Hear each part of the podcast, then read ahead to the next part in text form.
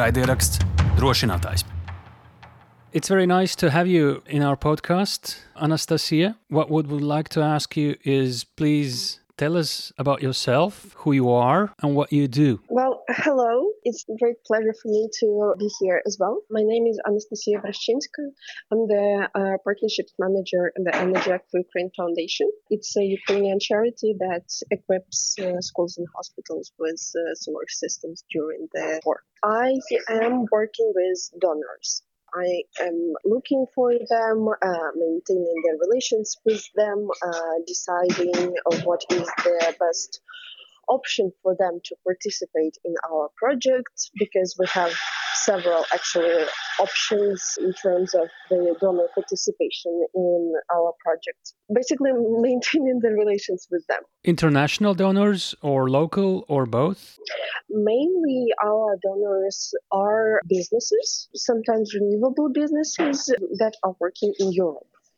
These are like the renewable companies, for example, distributors of renewable equipment, or sometimes producers of renewable equipment, or the energy companies that have uh, the CSR programs uh, that are in line with key focuses of our project. For example, there's education on sustainability because we're doing the projects at schools, and we are launching also a educational course at the schools where we install solar systems and public health, for example, because at the hospitals we are focusing on equipping the critical equipment of the life saving equipment, basically at the surgery rooms, at the ICU rooms.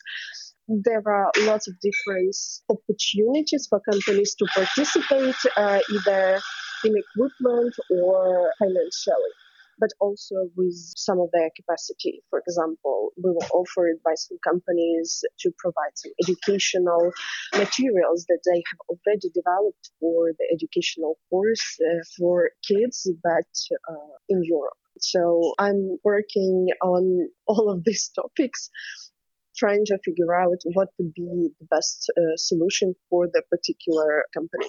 But also, we are exploring the grant opportunities. So uh, I'm also frequently engaged, especially now with different grant institutions in uh, negotiations in exploring the options that uh, we can benefit from in terms of receiving grants from foreign governments. For example, Germany, they are doing actually a lot uh, in terms of financing projects of the green reconstruction of Ukraine because our projects are already in line with these efforts.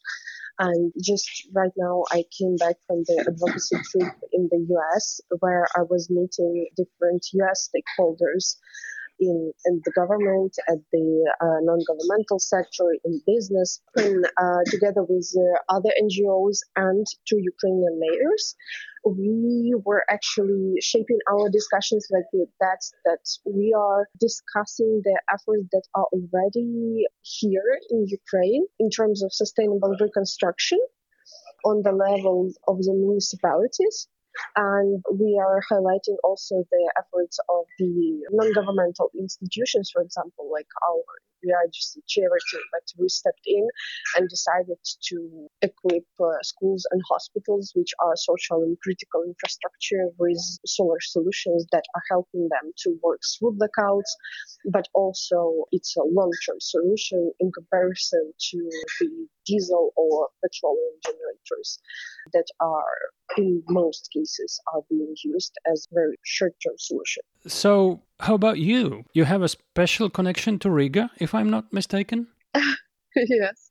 Yes, uh, I did a very short term, I would say, program in Latvian University in RGSL. Uh, that was advanced uh, program in uh, European law and economics and that was organized for Ukrainian civil servants and people who are working in the governmental area, let's say, and for uh, the people who are working in NGO sector as well.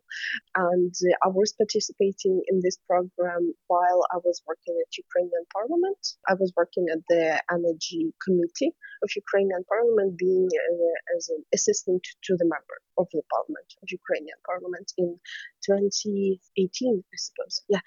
So uh, I spent three months in uh, Riga Uh, I was uh, there during uh, probably the most amazing weather conditions that are available uh, there. So that was super cool. I've enjoyed this experience uh, both uh, professionally and personally. So, somebody who knows us. anyway, how did you start to deal with energy questions?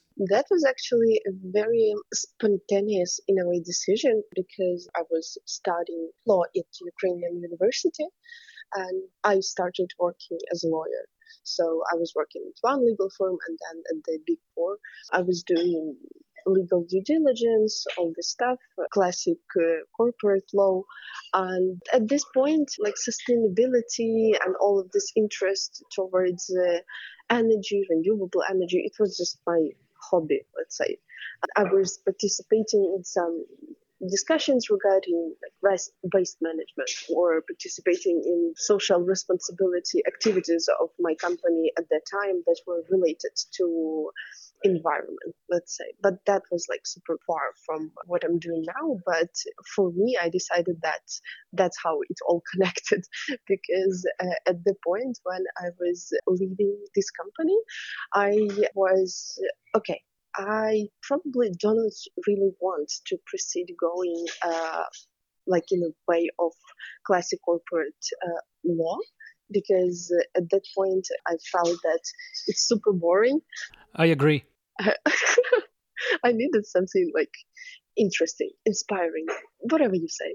And I just sat down and asked myself, okay, during these two years, when I was working at this company, what was like the at least close to this like excitement and being interesting. And that was a project with Ukrainian Ministry of Energy on not on the renewables. That was on the very traditional issues of the extraction of coal and other uh, natural resources in Ukraine. And I was like, okay, that was interesting. So maybe I will just explore it a little bit deeper. And I started talking to my friends and saying that, okay, guys, I want to work in energy now. and it worked because at some point my efforts of just sharing this information to different stakeholders among my friends it paid off. And uh, one of my friends who was working in the parliament said okay i know this member of parliament who is looking for this and he is very progressive he's all pro renewables green transition climate. And i thought that that's perfect opportunity to just know more about the sector and how it works in Ukraine, starting from policy level. And that's actually how it all started. I applied, I was successful and in my application, and uh, I started working in the parliament. That was like two years before premature end of this session of uh, parliament. From that point, I was uh, looking for jobs in the sector because during this time I have learned uh, how things work, uh, who are the key players. That's actually how it started, and I'm really glad that I've made it that decision. How did you end up in this project, the current project? Um, I had several projects and jobs before. I worked for uh, some time at Ukrainian association, one of the leading associations in renewable energy. Basically, it's a group of operators and developers of renewable systems in Ukraine. And during that time, it was quite a complicated period for them. Uh, because there were some unpleasant policy changes in Ukraine related to retrospective decrease of the feed-in tariff. So you could imagine they were significantly affected by that and uh, in terms of communication, we were working very hard with the Ukrainian government in order to negotiate at least somehow because that came as a surprise for everybody. So I was working with this association and then I started working at the German think tank, Berlin Economics. Uh, they have launched a, a project on high level policy advice in Ukraine uh, on the issues of decarbonization, renewables, uh, electricity market, and actually electricity market was the main topic that I was working uh, with during this project. The project was called uh, Low Carbon Ukraine. It exists still. It's financed by the German government, and that was actually pretty successful through the years. Uh, at that point, we had to really motivated team and uh, we were working for a year, I think, on monitoring of the electricity market. It may sound a little bit boring, but it was the moment when the electricity market was just launched in Ukraine in the new model. So it was a groundbreaking thing. And in a way, it was extremely interesting to follow how it unfolds for like many reasons because it was launched in a like pre-baked state. And uh, so we were doing the monitoring of this process and in parallel we are also monitoring like other policy developments in uh, decarbonization in renewables. Uh, and that's actually how i spent several years with this project yeah so and then it was the start of covid i uh, proceeded working with them but also had some side projects with ukrainian think tank also doing some policy analysis and policy consulting works in issues like related to climate, especially during the COVID. It was very important, like to analyze uh, how does the pandemic uh, affects uh, and the policy developments and the markets and so on. Because when the war started, uh, like full scale war started, that was nothing comparable even to the consequences of pandemic. But anyway, so between my current project and then uh, I had some contracts with uh, Ukrainian think tanks, one Polish think tank, and uh, the German one. And uh, when uh, it was 2022, actually after the start of uh, the full-scale invasion, I've ended my contract and I was looking for something that would be more fulfilling. And that is actually how I found the foundation. That was very, very accidental meeting of uh, the founder, Juliana, and we had just small conversation during uh, the meeting at the cafe with uh, other people where we have met. And the same evening, we were already discussing how we can work together. I started working at the foundation in uh, September 2022, and the organization was established in April the same year. So at that point, they were already developing the first project at Irpin School. Well, here now constructing solar plants for schools and hospitals. Okay. How does that foundation work? Because what we see in a homepage, it's projects, solar projects mostly, or very close to it, you collect donations. Tell us a little bit more. How how does that work? Everything. So yeah, when uh, the foundation was established, we focused from the very beginning on the energy help. We have currently three campaigns two of them focusing on schools and hospitals, and these are 100 renewables for schools and 50 renewables for hospitals, meaning that we want to equip uh, 150 facilities within five years. another campaign it's on a rolling basis uh, where we procure or receive as a donation the portable energy equipment, and that could be portable storages, uh, portable lanterns, uh, power banks, other energy equipment that could be helpful in different regions of Ukraine. We are focusing on civilians or uh, civilian services, for example, the rescuers uh, that are arriving to the uh, they are arriving the first to the sites of the missile attack, for example, and they uh, constantly need some power supply uh, keep running all of their equipment as well. So um, it's a campaign where we procure some portable solutions. They are usually with a renewable uh, element. So, uh, for example, we were providing the lanterns with the small solar modules, and uh, uh, these are quite useful, especially during the blackouts. Of course, uh, winter is not the best time for charging uh, solar modules, but they have very small energy demand. Even that can be covered uh, by the electricity generated during the winter. These are uh, our three main campaigns uh, within which we are gathering donations, gathering equipment. But as I've said, I'm working with uh, different donors. And I would say that our fundraising it mainly happens in the negotiations, not raising funds online, for example.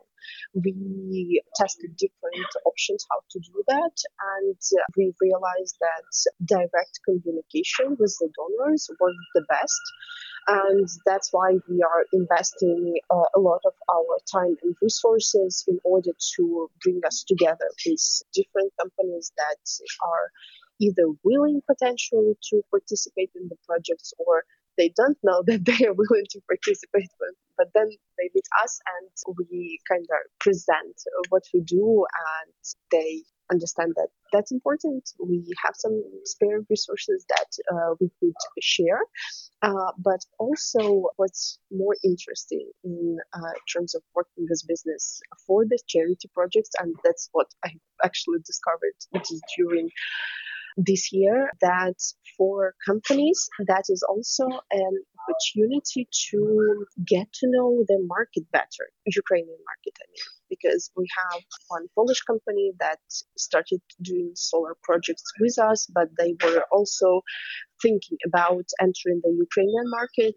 And while we were doing solar projects uh, together at schools and hospitals, they uh, have opened a branch in Ukraine and they have started working on Ukrainian market uh, during the full-scale invasion.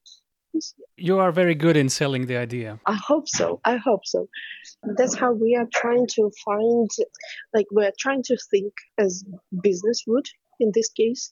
And we understand that, well, charity, it all sounds good, but you cannot do that in long term. So there should be significant benefits, not for the schools and hospitals that we do, but also for those who participate in the project, mainly if, if that is business, so for business. And uh, their interests, uh, they are usually uh, lying somewhere near uh, getting profits. So that's why we are trying to explore uh, these uh, avenues for cooperation, and uh, so far it works like this. And why not? Tell us about those schools, those hospitals, those other like field hospitals and other projects. What are the results? What have you done? How does that work? Because this will be a special part of, of our conversation because this is where it all sums up, I guess. Mm-hmm. How we look for them. It all started with just a field trip to uh, Irpin when it was deoccupied in April 2022 when it was safe to go there. The uh, team, uh, I wasn't part of the team then, uh, so the founder and our project manager as of now. Uh, they uh, visited this deoccupied city that was significantly damaged, and they have visited several educational facilities there, mainly schools. When they arrived there, when they were filming the damages that uh, schools have sustained, because in Irpin, for example, there was one school that was completely destroyed, like to the ground and uh, there were several uh, schools that had some significant damage, but they managed to rebuild the building itself during several months in order to welcome kids already in September.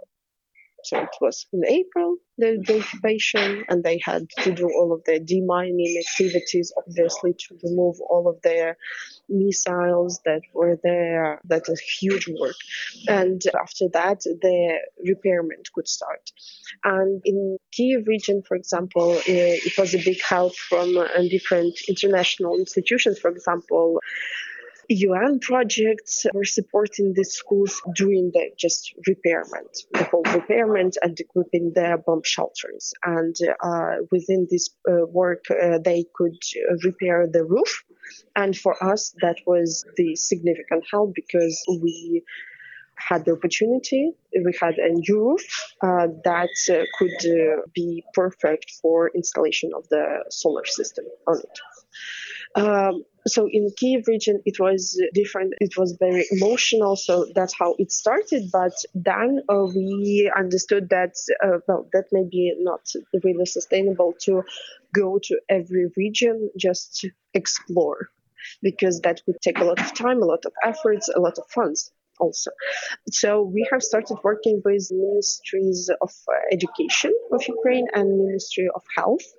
So we are providing them with our criteria for selection of the uh, facilities, and they are providing us the list of the facilities that they would recommend. So that's how it works. We are not obliged to do the project at every facility that they recommend. So we are doing uh, the technical research after that. So they are like applying for this project, but we are asking them to provide all the technical data on the facility because we need the pictures of the roof, for example. We need uh, the uh, estimate uh, of their consumption for the previous periods. Uh, so we would use this information when we are preparing the technical solution for this particular school or hospital. That is also a big part of work that is just on the preparatory stage for the project. We do that a long time before we start talking to donors because to donors we are coming already with the technical solution with the sometimes with even technical documentation for the project. We already we are sure that this offered solution this capacity would be good for this facility. We know how much money would we need to do that and it's your call uh, just to give the funds or give the equipment, and we would uh, start the project right away. How many schools have roofs with solar panels or hospitals? How would you characterize the size of it? What's done already? What we have done, yeah. So we have done uh, two schools, one in Irpin, one in uh, Chernihiv city. Irpin probably is more famous now, unfortunately, due to all the horrible things that uh, we and the world have seen after the, the occupation. And Chernihiv, it's a city in northern Ukraine regional center. It was uh, kind of encircled. Our first hospital project was there at the Children's Hospital, the building of uh, the neonatal department. So that is where the prematurely born kids are being treated. And uh, as you may uh, know, this process requires a lot of equipment, like these boxes where kids uh, are kept. Like, yes, and also uh, the surgery rooms and so on. So we have installed the solar system at this separate building of this hospital. Probably I haven't covered that, but that may be important. We are not covering the whole consumption of the facilities. So at schools, we are aiming to cover up to 30% of their consumption. So it's not our equipment that we install. It does not cover and it does not aim to cover all their consumption uh, that the school has. For example, they may have uh, the huge consumption of the kitchen, but we are not covering that because we want to provide them an opportunity to work up to four hours during the blackout with the, the critical equipment. For example, for the school, it may be the bomb shelter because the kids, uh, if uh, the air alert goes on, they proceed to the bomb shelter, and if it's longer than I don't know, half an hour, the kids may start with uh, their lessons. So, uh, if they have the facilities uh, to do so, and uh, we are trying to provide them at least electricity to do so, so they would not be sitting there with flashlights of their phones but they at least would have proper lighting. Maybe they could power any interactive like desks or something that would allow them to proceed with uh, their studies because that's what we saw usually happens. So, and at the hospitals, the situation technically is a little bit more complicated because there we are focusing not on the like general share of uh, their consumption, but on covering the consumption of the critical equipment that would be needed for at least three hours. Three hours, that is the average length of the uh, surgery, for example. And we were aiming to uh, provide them at least three hours of uninterrupted power supply to the critical equipment at the surgery rooms or at the intensive care units if needed. So we would not at least lose people because we don't have the electricity because unfortunately we're losing people like on a daily basis and we don't want uh, uh, to lose even more when there is no access to electricity what we have already saw we have very inspiring uh, insight from uh, the headmaster of our first facility, Irpin School, where the system is already working for a year. He has applied very strict electricity consumption rules at the facility.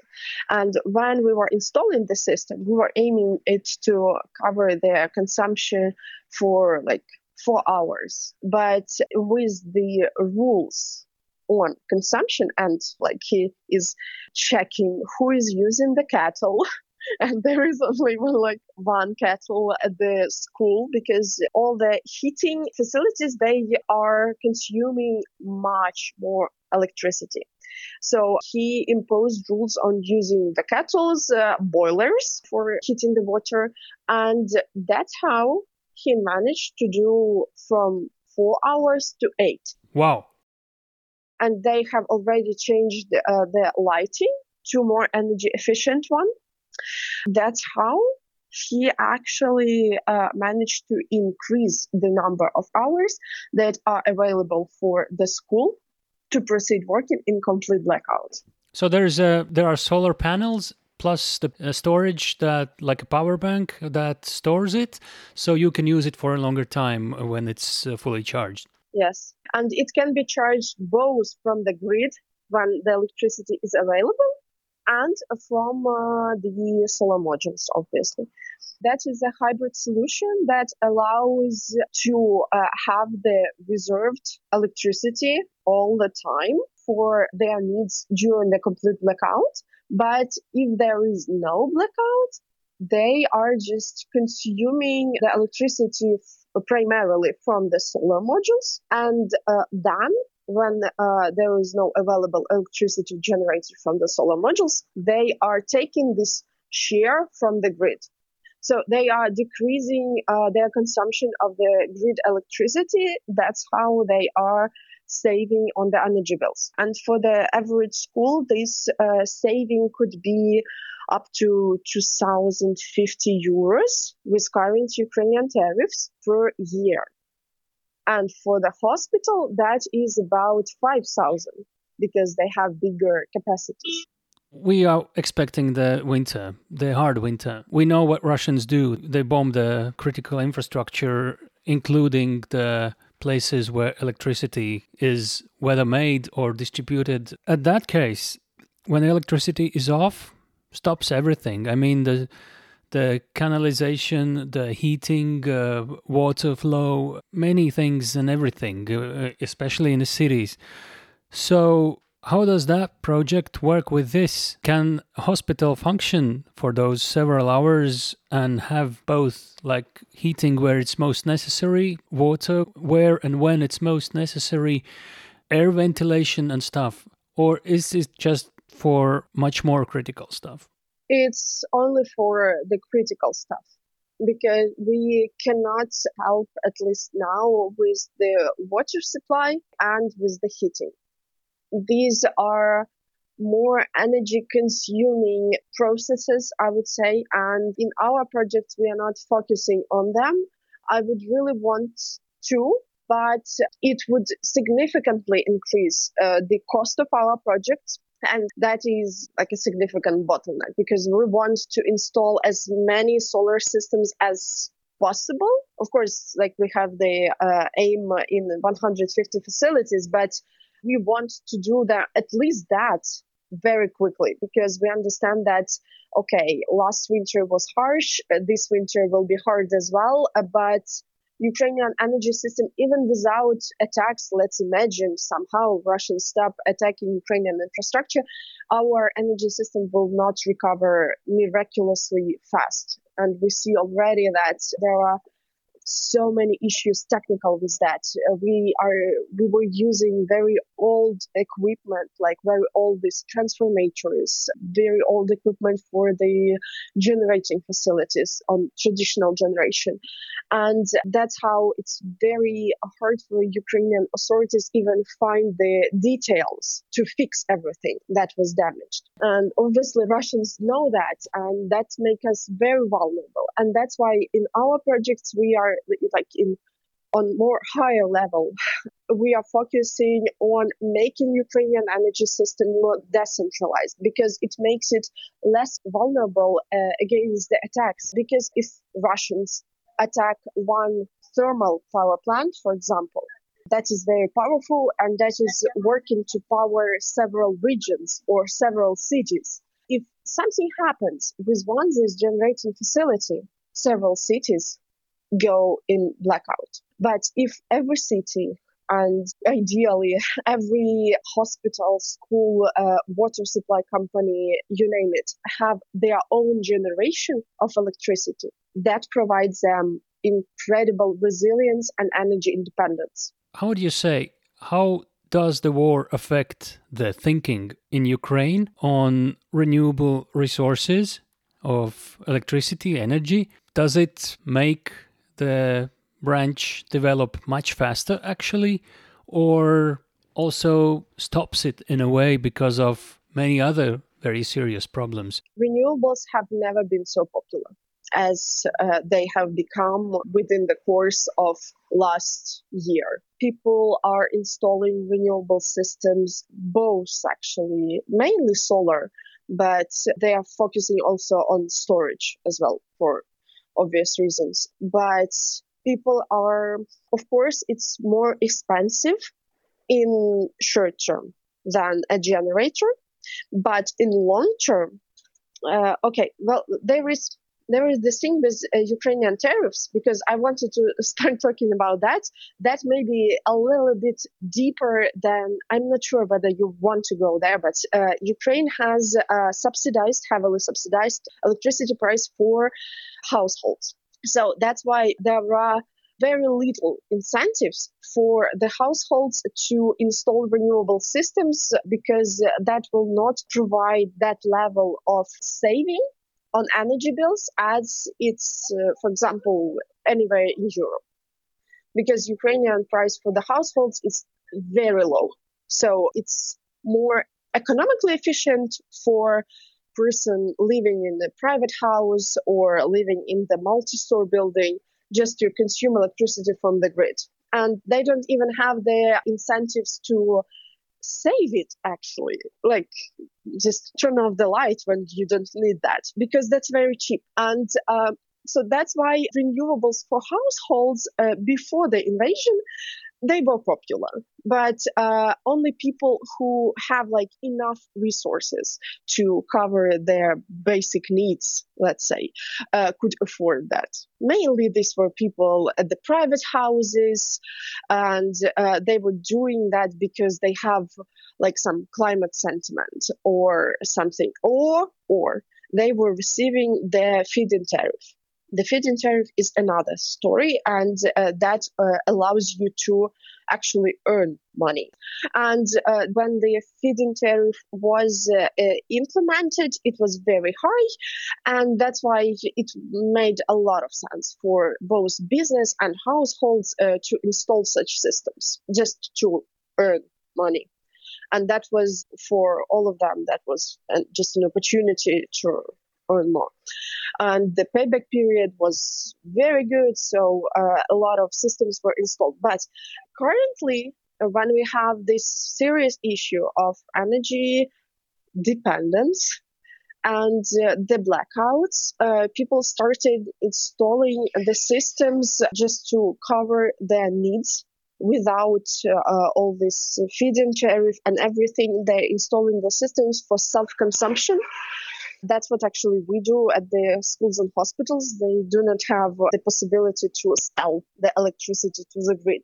That's what uh, a lot of people in the residential sector are doing as well. But again, it's still very expensive. Like in the course of uh, several years, for example, when they were only introduced, uh, they were super expensive, but now uh, the price has significantly decreased. So when we are analyzing it in like historical perspective, solar modules are very cheap, but the main part of the cost in our projects not uh, not solar modules but the storage. And the storage is uh, it's a big problem it's very expensive but it provides like the essence of our projects so that's why we are installing always only hybrid solar systems uh, so solar modules plus storage what we see is that russia at this point is not on the way to finish attacking ukraine how do you see the coming winter? How would it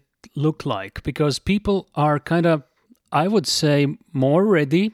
They have experience. They had the whole summer for to prepare.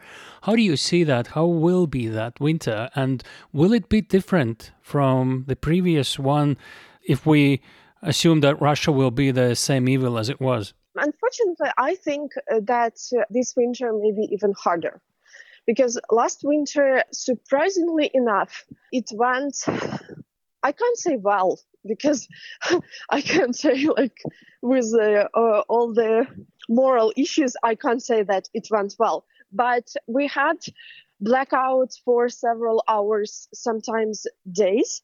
But probably everybody expected that it would be much worse. And this winter, yes, we are better prepared but the energy system is not even in that shape as it was before attacks. And uh, for me, that is the main problem because, of course, a lot was done in order to recover after the attacks, but obviously it's not 100% done. That's why I think that maybe even this year Russians may start attacking something different, maybe not the transmission, but already the generation. And they have started doing so because last year they were attacking mainly the transmission points. And this year they have already started attacking the thermal generation capacities. Well, obviously, last year they were doing so, but as we see from the news, for example, now they are proceeding to do so. So we will see how it goes. I really hope that all the efforts that were done uh, through the course of this year in terms of uh, providing generators, solar systems. Thank God we are not the only ones who are doing that. So there are already like maybe dozens of solar systems that are installed at schools, hospitals, water facilities, and that's why it would be easier easier both to these facilities to go through the blackouts and for the energy system because uh, they would not need to worry to cover the basic consumption of these facilities. For example, I know a very good story from Ukrainian city Zhytomyr. There is a very proactive mayor who has been working with uh, different donors, private sector, and they have equipped several facilities in the city with uh, solar systems or any other renewable systems. And uh, during last year, when uh, they were receiving the information from Ukrainian grid manager that guys, we need to impose power outages in a city. And they were like, okay, we will reduce the consumption and they were just shifting the consumption at their water facilities, hospitals, schools, for example, from the grid to the renewable systems that they have installed. And that's how they managed to avoid power outages at the residential sector. So people did not even feel that. But that was a very efficient management from the city administration. And that's actually what energy independence means because in our heavily centralized energy system, such things as deciding from which source of energy you would be taking electricity is not always the case. So in this city, they have the options. And basically, that is the whole story behind energy independence. You need to have options to be resilient. So let's say diversification, decentralization, and and saving. These things work really well. Yes. Yes. What would you say that are uh, the main things that we should learn from you and that you would be happy we, we take from you? I would say that in comparison to Western Europe, you understand our context a little bit better just because you are also neighboring with uh, Russia. And in terms of energy, from what I know, all of the Baltic states are doing a lot in terms of energy independence and cutting uh, the any dependence from Russian gas, from Russian electricity. That is very important because we even now are still having like this instrument for pressure on us through transit of Russian gas. Obviously, we're not we are not importing that, but we are still in these relations in terms of transit. Obviously, I would say that renewables are the key for energy independence, just because for the reasons that you mentioned decentralization and diversification. And they are allowing to uh, reach that. That provides you the options, as I've said. That is amazing because if something happens, at least you would have several hours with uh, the connection with the charged devices that may allow you to do so like for several days with recharging and everything. So that is very important. But in terms of, uh, I wouldn't be saying like on the global political level, what can Latvia, for example, do with your energy system? That is totally your thing. I'm just saying that renewables are just better in the long term because we all have uh, these climate targets, and that is another problem that will stay with us even when Russia somehow disappears. So we will have to fight with that as well in the future. So it's better to start as quickly as possible while cutting the profits of Russians. Okay. I hope some people in Latvia as well heard of what you were telling about your Energy Act, the project, and maybe you'll get a call. I hope so because actually we didn't have a lot of cooperation with the companies from Latvia, Lithuania, and Estonia.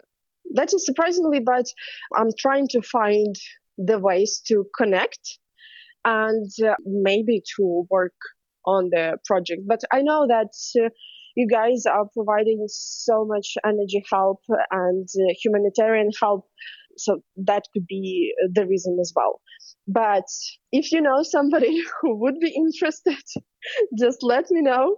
I would uh, be happy to talk and do all the stuff that I do.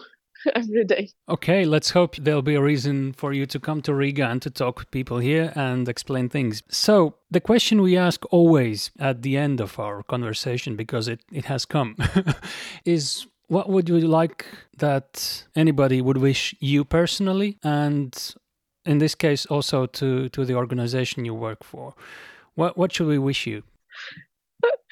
Uh, well, yes, um, victory of Ukraine and doing everything you can uh, to help us to reach that as fast as possible would be the best you could wish, uh, the best I could wish, definitely. But I know that with the victory, I will not stop doing what I do because uh, there would be so much more to be done with all that extraction and all the stuff. So I would wish myself, yeah, good health because it will take a lot of efforts. But also, I would really wish that the attention to uh, what is happening in Ukraine would remain at least on the same level as it is now. Because we see that people are getting tired and that is totally understandable. But we are here fighting for the better future for all of us. Now it's not something that is very hard to imagine because we all saw what russians could do when they invade another country. And that is scary and nobody wants to experience that. And uh, we want to end it now as quickly as possible. So Russians would not be able to do that with any of you, any of us, and anybody in the world. I'm very thankful for what you told us, despite we kind of heard of it quite a lot. This makes it more close. Thank you very much. Bye bye.